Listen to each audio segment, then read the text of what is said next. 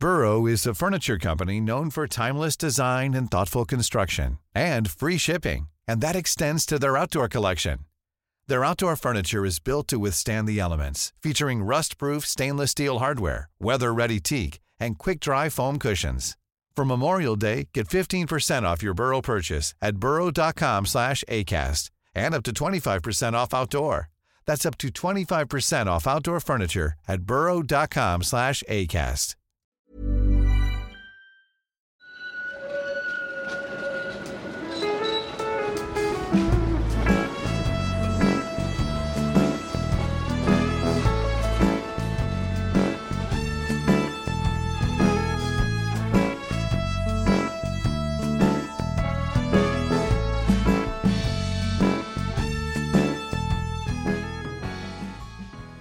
och välkomna till eh, Gator och torg i Göteborg eh, med mig Daniel Karlenfors som programledare och med Mattias Axelsson som någon typ av Göteborgskännare och expert det. på det vi ska prata om i i- dagens avsnitt. och idag sitter vi på, i min mening, ett jävligt mysigt café på en plats eh, som vi ska prata om. Vart är vi? Vi sitter i Bergsjön centrum på Rims Coffee.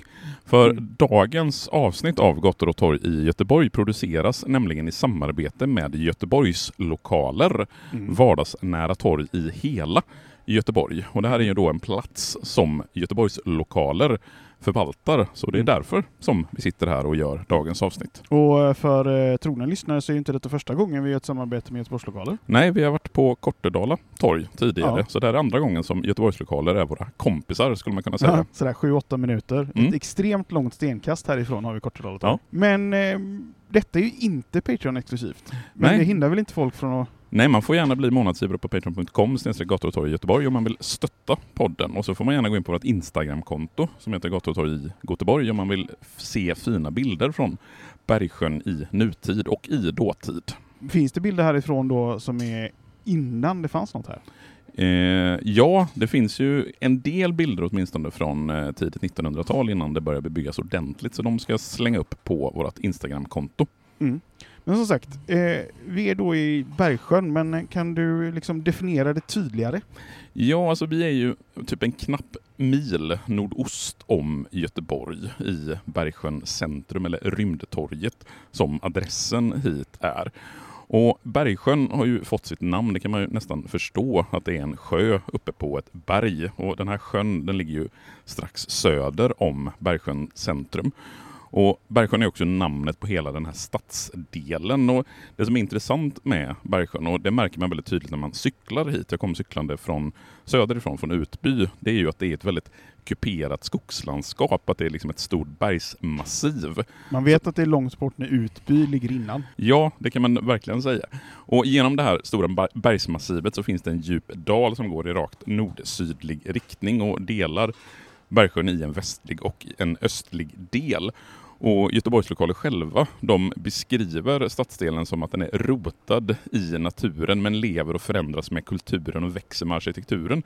Och det är förvisso reklamspråk men ändå en ganska rimlig sammanfattning av Bergsjön som stadsdel. Just Mm. det här, det är en blandning av naturen och kulturen och arkitekturen.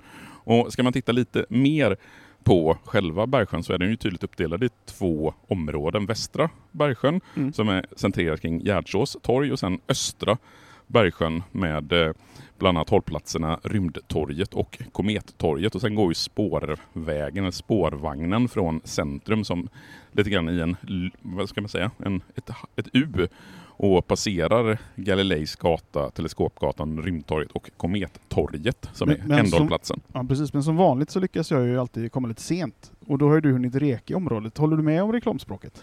Ja, alltså just det när man kommer cyklande så noterar man ju och märker man ju delar av ett område som man inte riktigt märker när man kommer med bil eller framförallt inte när man kommer med spårvagn som man då åker genom, genom berget rent fysiskt under delar. Och, och just det här med naturen, det är ju slående när man kommer cykel, cyklande, att det är väldigt, väldigt mycket natur och väldigt mycket skog här uppe. There's never been a faster or easier way to start your weight loss journey than with PlushCare. PlushCare accepts most insurance plans and gives you online access to board-certified physicians who can prescribe FDA-approved weight loss medications like Wigovi and Zepbound for those who qualify. Take charge of your health and speak with a board certified physician about a weight loss plan that's right for you. Get started today at plushcare.com slash weight loss. That's plushcare.com slash weight loss. Plushcare.com slash weight loss. Hiring for your small business? If you're not looking for professionals on LinkedIn, you're looking in the wrong place. That's like looking for your car keys in a fish tank. LinkedIn helps you hire professionals you can't find anywhere else, even those who aren't actively searching for a new job but might be open to the perfect role. In a given month, over 70% of LinkedIn users don't even visit other leading job sites. So start looking in the right place. With LinkedIn, you can hire professionals like a professional. Post your free job on linkedin.com slash people today. Och nu kommer vi ändå till sådär som jag alltid gillar, eh, hur gammal en plats egentligen är. Hur långt tillbaka har det bott människor här? Ja, alltså vi vet ju att Bergsjön förmodligen är en väldigt, väldigt gammal sjö, för den har ju funnits här länge. Och ett av de äldsta fynden från Bergsjön, det är en 4000 år gammal flintdolk som man hittade här i området för ungefär 100 år sedan. Och det indikerar ju att det bodde människor här någonstans 2000 före Kristus. Och det finns Åtminstone någon har tappat en flintdolk. Ja, så någon har ju befunnit sig här och det finns ju dessutom gravar från stenåldern, alltså någonstans runt 1800 före Kristus. Och sen finns det även gravrös från tidig bronsålder och från järnåldern så har man också hittat en hel del fynd, till exempel ett träd som fälldes år 727. Och det har man då lyckats identifiera med så kallad dendrokronologi som är när man tittar på årsringarna på trädet så kan man då identifiera hur gammalt trädet var när, eller vilket år som trädet fälldes. Ja, och eh, med raska steg närmar vi oss medeltiden. Det, det fanns alltså mänsklig aktivitet här då också? Nej, det är ju det det inte gör. Nähä. Eftersom från järnåldern hela vägen fram till egentligen 1800-talet, alltså under hela medeltiden och stora delar av det vi kallar för tidig modern tid, så saknas det fynd och egentliga belägg för att området runt Bergsjön är bebott. Och då finns det en hypotes som jag tycker är ganska rimlig. Det är att under den tidiga medeltiden, eller under övergången från järnålder till medeltid, så drar sig de människor som bodde här uppe runt Bergsjön ner mot Säveåns och Lärjeåns bördiga dalgångar eftersom det växer fram odlingsbar mark när vattnet drar sig tillbaks. Och man flyttar ju helt enkelt dit där jorden är som mest bördig. Så då flyttar man från Bergsjön ner till Säveån och ner till Lärjeån. Och det som området används till under de här ganska många hundra åren, det är att man till exempel tar virke från skogarna här uppe. Man låter boskap beta fritt under sommaren, man plockar bär här uppe i skogarna och man fiskar givetvis uppe i Bergsjön. Men under flera hundra år så är platsen obebodd, eller vi saknar åtminstone belägg för att det ska ha bott människor här. Men eh, favoritårhundradet 1800-talet? Ja, då börjar det ju äntligen hända saker igen här uppe i Bergsjön. För merparten av nuvarande stadsdelen Bergsjön, det var utmärkt utmarker till Utby. Och Utby det är ett område, eller en by då, som bytte socken ganska ofta. Och under det sena 1800-talet så tillhörde Utby Partille socken. Och delar av nuvarande Bergsjön var del av Lärjeholmens herrgård. Och herrgården med tillhörande gårdar och mark köptes av Göteborgs stad år 1895. Och sen runt sekelskiftet 1900 så växer det fram någon typ av kåkbebyggelse i området Stora Björn, Björn i sydvästra nuvarande Bergsjön. Och då var det här utanför stadsgränsen. Och kåkstäder det har vi pratat om i flera avsnitt tidigare. För det finns ganska många områden som är av typen kåkstäder runt omkring utanför Göteborg. Och kåkstäder det är områden som domineras av arbetarklass och hantverkare av enklare slag och husen de ligger då på arrenderad mark, alltså man äger inte marken själv. Och de kåkstäder som växer fram i Bergsjön det är enklare boställen, oftast ett rum, öppen spis, stampat jordgolv och det sista stället, Gåselyckan, som ligger, låg vid södra delen av Bergsjön, byggdes 1916. Det ska ha varit bebott hela vägen fram till 1990 men är numera rivet. Och jag vet faktiskt inte, jag har försökt leta efter hur standarden på huset var där på 1980, början på 1990-talet. Men enligt uppgift ska huset ha varit bebott. Eh, men eh, fanns det ingenting annat än just kåkstad? Jo, alltså det fanns ju givetvis bostäder för kanske lite mer bemedlade människor. För parallellt med de här kåkstäderna så växer det fram en villabebyggelse i Svacka sträckan där Gärdsåsgatan går upp till Bergsjön från Utby idag. Och tittar man på kartor från det tidiga 1900-talet så finns det enstaka hus i ett område som kallas för Lövhyddan respektive Lövkojan. Och de här villorna, eller e- enkla husen, det är kanske fel att beskriva dem som villor, men de växer fram från slutet på 18 och hela vägen fram till början av 1970-talet. Och sen i de östra delarna så har det kompletterats med radhus och villor som byggdes i samband med att den storskaliga bebyggelsen av Bergsjön växte fram. Och sen i slutet av 1920 och början på 1930-talet så inkorporeras Utby och därmed hela nuvarande Kortedala, hela nuvarande Bergsjön med Göteborgs stad. Det låter ju inte riktigt som det Bergsjön som vi känner till idag. När kommer flerfamiljsbebyggelsen till Bergsjön? Ja, så den flerfamiljsbebyggelse som vi förknippar med Bergsjön idag, den är ju ett barn av den svenska efterkrigstiden. För i och med industriexpansionen och rekordåren under 1960-talet så behövde man nya bostadsområden i Göteborgs stad i och med att hela Västra Frölunda, hela Backa var färdigplanerat. Och Bergsjön har faktiskt beskrivits lite som en nödlösning i en pressad tid när det planerades. Och Bergsjön blev tillsammans med Hjällbo, som ligger ganska nära här intill, först ut bland de nya stadsdelarna som bebyggdes i de nordöstra delarna av Göteborg. Och 1962 så tog man fram en så kallad dispositionsplan för hela Bergsjön. Och en dispositionsplan är en översiktlig beskrivning om hur man ska använda området för olika ändamål. Och sen två år därefter så fastställer man själva stadsplanen för Bergsjön och börjar bebygga området. Och 1965 till 1967 så bygger man de östra delarna av Bergsjön med ungefär 3700 lägenheter. Och de västra delarna av Bergsjön de byggs under de sista åren på 1960-talet. Och då är det drygt 3000 lägenheter där. Så redan 1965 så flyttar de första hyresgästerna in i det nya Bergsjön. Och det är ju samma år som riksdagen fattar beslut om det som har kommit att kallas för miljonprogrammet. Så rent tekniskt så är ju åtminstone inte delar av Bergsjön del av miljonprogrammet för att det planeras tidigare. Dock så tror jag de flesta ändå räknar de stora delarna av Bergsjön som en del av miljonprogrammet ändå. Men betyder det att Backe och Frölunda inte heller är miljonprogram då? Nej, Frölunda, områdena runt Frölunda torg är ju inte miljonprogram. De är byggda ja. innan 1965. Däremot är Tynnered eh, miljonprogram. Vårväderstorget inte miljonprogram. Mm. Länsmansgården miljonprogram. Vi får nästan eh, fixa en karta där vi markerar alla miljonprogram. Det tycker jag definitivt att vi ska göra. En interaktiv karta. Ja, det hade varit något. Eh, där, någon... du, där du går runt och pekar. Ja, om någon kan programmera en sån så hör ni av er till podden. Gator och torg i Göteborg.gmail.com Så eh, när man då planerade Bergsjön, fanns det några speciella tankar bakom det? Finns det en anledning till att det ser ut som det gör så att säga? Ja, det finns ju väldigt tydliga idéer och planer för hur man gör och bygger Bergsjön. Bergsjön är ju för det första byggt i olika etapper och börjar vi med den första etappen så är det drygt tusen lägenheter i sex lamellhus som är lägre flerbostadshus som byggs längs med Mercurius och Tellusgatan.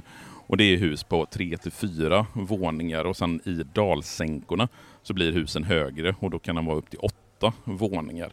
I etapp två och tre runt Rymdtorget så bygger man fem stycken punkthus som är hus med endast ett trapphus och ett som är centralt beläget i liksom byggnadens inre. Och där in, inryms det 200 lägenheter. Och sen, Men det kanske kommer upp bilder på Instagram om Givetvis hur de kommer det upp bilder på lamellhus och punkthus. Härligt. För sen i den tredje etappen så bebygger man också resten av det som har adressen Rymdtorget i 12 stycken lamellhus om ungefär 500 lägenheter. Och tittar man på hur området runt Bergsjön centrum planeras så har vi dels en ringled, Bergsjövägen, Ljusårsvägen, som ramar in själva området och merparten av bebyggelsen ligger innanför den här ringleden. Och tvärs igenom området så drar man en spårvagnslinje. Och i anslutning till de fyra hållplatserna som ligger i Bergsjön så har man också byggt butiker och skolor och liknande. Och Bergsjön var faktiskt ett av de första områdena som planerades ut efter den så kallade SCAFT-modellen. Och SCAFT är en förkortning, Stadsbyggnad, Chalmers, Arbetsgruppen för trafiksäkerhet. Och den här planeringen gjordes på uppdrag av Trafikverket och Boverket. Så, Chalmers hade ett finger med i hur saker och ting skulle se ut här. Vad, vad, vad betyder den här typen av planering? Ja, det är ju det som vi tänker är ganska vanligt för rekordårens planering. Och det viktigaste det, det är att man separerar trafi, trafikslagen. Det vill säga att gående och cyklister ska inte behöva trängas med bilister. De ska inte ens behöva korsa vägarna. Utan man skiljer gång och cykelbanor från bilvägarna. Och den här ringvägen runt bostadsområdet kompletteras med återvändsgator in till parkeringsplatser i området. Och gångvägarna de leds under bilvägarna. Man har skolor och mataffärer i centrum och sen ska ju Rannebergen och Gårdsten få samma typ av skaftplanering. Och Bergsjön är väldigt tydligt planerat och byggt för att bo i. Antalet arbetsplatser i Bergsjön och i Bergsjöns centrum de är ju väldigt få i förhållande till hur många som bor här. Uh, Rymdtorget eh, och Bergsjön eh, är ett alldeles nytt område under 60-talet. Så vilka var det som flyttade in? Ja, det är ju olika typer av människor som flyttar in. Men det som är slående när man tittar på hur det beskrivs av de som flyttar in på 1960-talet så är det återigen den här väldigt ljusa bilden som man har. jag har hittat ett exempel på en kvinna som heter Märta Eriksson som flyttade hit just i mitten på 1960-talet när det var helt nybyggt. För hon bodde med man och barn i en omodern trea i Gamlestan. Hon hade kärlkramp och gasspisen i lägenheten i Gamlestan var inte bra för hälsan. Så hennes läkare skrev faktiskt ett intyg om att hon skulle få en modernare lägenhet, vilket gjorde att hon och hennes man... Är det så man kommer före i bostadskön? Ja, på den här tiden... ett läkarintyg? På, på den här tiden var det så att en läkare kunde faktiskt intyga att hon behövde ha en modernare lägenhet. Så hon och hennes man och barn fick då flytta till en av de första lägenheterna som byggdes i Bergsjön. Och hon beskriver det som att när hon flyttade dit så fanns det varken mataffär eller kollektivtrafik så att folk som bodde här brukade dela en taxi några gånger i veckan för att åka och handla tillsammans. Och hon beskriver också som att grannarna umgicks och de ofta satt ute på gården och pratade medan barnen lekte. Så det är en väldigt positiv bild av det nybyggda Bergsjön som målas i de här beskrivningarna. Mm. Och eh, som eh, lite av en eh, sån science fiction-nörd får jag väl ändå kalla mig, så är ju namnen här ute fantastiska. Kan du säga någonting om ja, hur det blev så? Vi har ju ganska intressanta namn i form av eh, Rymdtorget, Teleskopgatan, Komettorget. Jag vet, jag vet vad nästa gata borde få heta. Nämligen? Star Trek-gatan. Star Trek-gatan. Vi skickar det till eh, Göteborgs namnkommitté. Det känns jävligt rymligt om du frågar mig. Ja, och, och, anledningen det är ju givetvis det här som är när man bygger nya bostadsområden, att man tar till någon typ av gruppnamn. Och Bergsjöns centrum byggs ju också lämpligt nog i det som vi kan kalla rymdkapplöpningens tid. Vi har ju den första satelliten 1957 som hette Sputnik. Vi har den första hunden i rymden, Laika, samma år. Första människan, Yuri Gagarin, 1961. Vi har den första människan på månen i slutet av 1960-talet. Så det är inte jättekonstigt att man inspireras just av rymden när man bygger just en av alla de här satellitstäderna som Bergsjön faktiskt blev. Det är ju lite ironiskt att det kallas för satellitstad. Jag tycker det är ganska kul att det är en satellitstad med just de här namnen. Absolut. Det är, det är väldigt passande. Och vad händer då sen när liksom Bergsjöns centrum väl är klappat och klart, eller hur man ska uttrycka sig? Ja, alltså Bergsjön och hela stadsdelen byggs ju, och, eller planeras framförallt under rekordåren. Men när sen Bergsjön hade byggts färdigt så blir ju det under en pågående lågkonjunktur. Och Det är ju en lågkonjunktur som sammanfaller med oljekrisen 1973. Vi får en varvskris i Göteborg och vi får den här lågkonjunkturen som leder till hög arbetslöshet. Och Det blev svårt att möta upp det här enorma byggandet som man hade gjort och det som redan var planerat. Och Som mest så är det över 1500 tomma lägenheter i Bergsjön under 1970-talet. Och under 1970-talet så växer också fram en kritik mot hur man bygger och hur man planerar en stadsdel som Bergsjön. Man kritiserar att arkitekturen är monoton och att man bygger in en segregation i området med hjälp av stadsplaneringen. Det finns stora brister i infrastrukturen. Den kuperade terrängen gjorde det svårt och dyrt att dra fram spårvagnen som därför dröjde. Och eftersom berget var av en viss kvalitet så var det omöjligt att dra fram spårvagnen till själva torget. Vilket gjorde att då spårvagnshållplatsen ligger en ganska bra bit ifrån. Du eh, promenerade ju själv yep. från spårvagnshållplatsen hit till Bergsjön centrum. Det är en väldigt trevlig promenad en dag som denna med så trevligt väder. Men ja, men på när, vintern kanske när det regnar i november så är det nog inte lika roligt. Och då kan man också påminna om den, en annan typ av kritik, att de mörka skogsområdena och gångstigarna bidrar till otrygghet, otrygghet. För det finns en paradox i det här att trafiksepareringen som skulle bidra till ökad trygghet istället ger mörka isolerade gångvägar som istället ökar otryggheten. Så det blir lite paradoxalt. Alltså det, det blir mycket kritik mot Bergsjön under 1970 och sen in på 1980-talet. Så det man gör det är att man planerar att bygga lite annorlunda. För i slutet av 1970-talet så bygger man ett slags radhusområde vid Atmosfärsgatan. Och syftet med det, det är ju att det ska bli fler upplåtelseformer i området. Och problemet med de outhyrda lägenheterna fortsatte för det kommunala Göteborgshem som i en ganska drastisk åtgärd började montera ner delar av det man byggt något årtionde tidigare. Man bygger helt enkelt om flera av husen till låghus i träfasader. Och det innebär att man under 1980-talet omvandlar 648 lägenheter till 177 radhus och 3 fyravåningshus med 166 lägenheter. Bergsjön idag är ju en mångkulturell stadsdel. Har det alltid varit så? Ja, alltså idag så är ju mellan 75 och 85 procent av de boende i Bergsjön av utländsk härkomst beroende lite på hur man räknar. Redan när Bergsjön byggs på 1960-talet så var det arbetskraftsinvandrare från Sydeuropa och Finland. Och många av dem bosatte sig i Bergsjön. Och sen kom det under 70-talet assyrier som flydde från Turkiet som bland annat etablerade sin förening här i Bergsjön. Och sen under 1990-talet så gör inbördeskrigen i både Somalia och Jugoslavien att flyktingströmmarna till Sverige ökar, vilket ånyo gör att Bergsjön får ta emot många människor från andra länder. Så Bergsjön har ju egentligen allt sedan det blir ett område med mycket flerfamiljshus varit en stadsdel med människor av utländsk härkomst. Så det är absolut inget nytt för Bergsjön att det är på det viset. Eh, vi sitter ju på Rymdtorget, eller Bergsjö centrum som Göteborgslokaler valde att döpa om torget till för att förtydliga dess roll som centrumtorg i stadsdelen.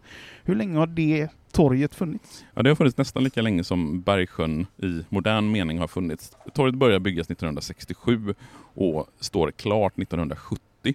Och det är Sven Brolid som står för ritningarna och det är ett namn som Eh, trogna lyssnare av podden har hört tidigare. Han är bland annat eh, arkitekten bakom Axel Dahlströms torg. Han är också hjärnan bakom Dr. Fries torg på Guldheden och Radiotorget i Järnbrott. Och som vi nämnde tidigare så kunde man av geotekniska skäl inte ansluta spårvagnslinjen till torget. Så hållplatsen ligger ja, typ 400 meter väster om torget och det, den, den kallas fortfarande för Rymdtorgets spårvagn.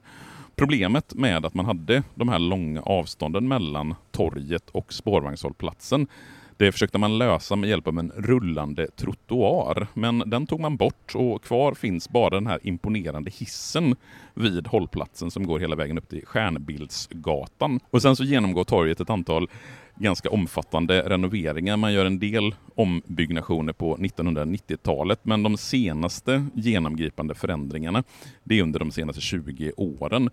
Eh, nämligen mellan 00 och 05. Den första etappen den är klar 2003 och då har man renoverat Centrumhusets butiksplan med omgivande markytor och den andra etappen den är klar i december 2005 och då har man gjort nya lokaler för Medborgarkontoret, för biblioteket, för mödra och barnavårdscentralen, för förskolan och även för familjebostäder. Och Går man in på torget idag så är det ju just det här typ av inomhustorg.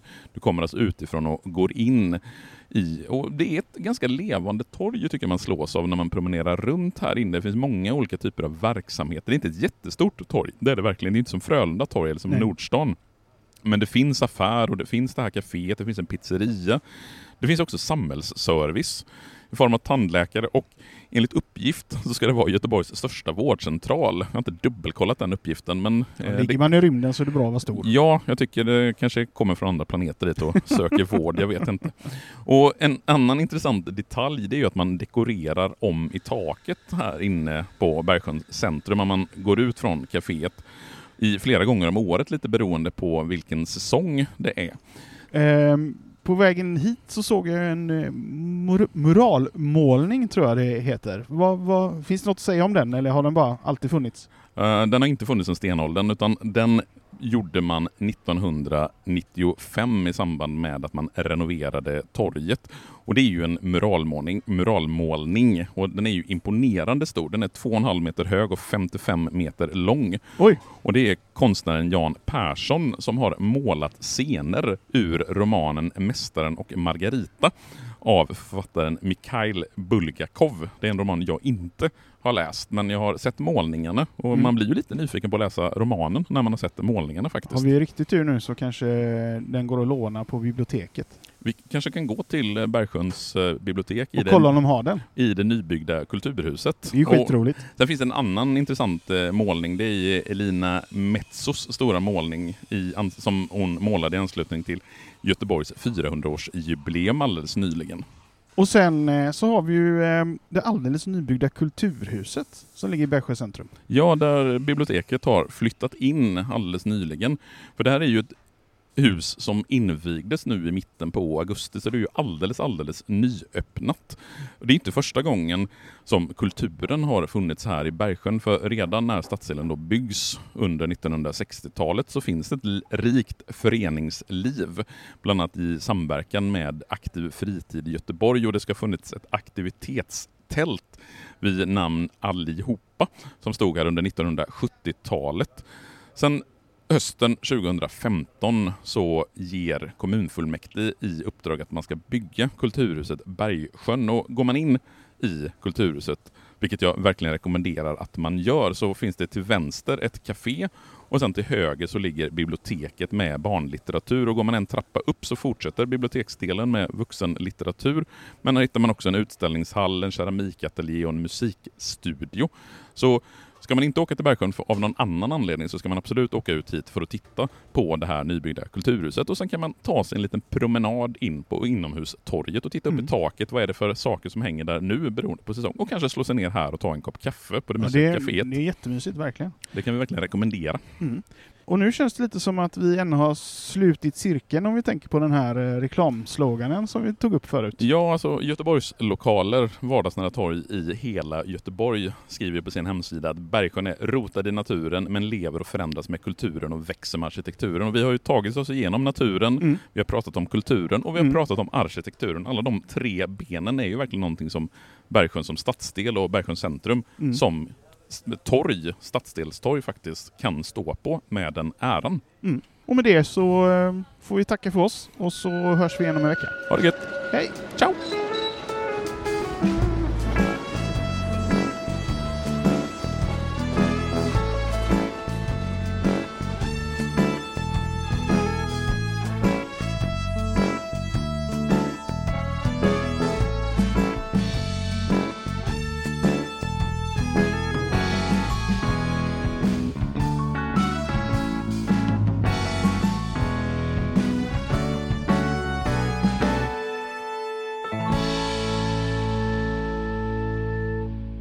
Gator och torg i Göteborg produceras av Reostat Media AB. A lot can happen in three years, like a chatbot may be your new best friend. But what won't change? Needing health insurance. United Healthcare Tri Term Medical Plans, underwritten by Golden Rule Insurance Company, offer flexible, budget friendly coverage that lasts nearly three years in some states. Learn more at uh1.com.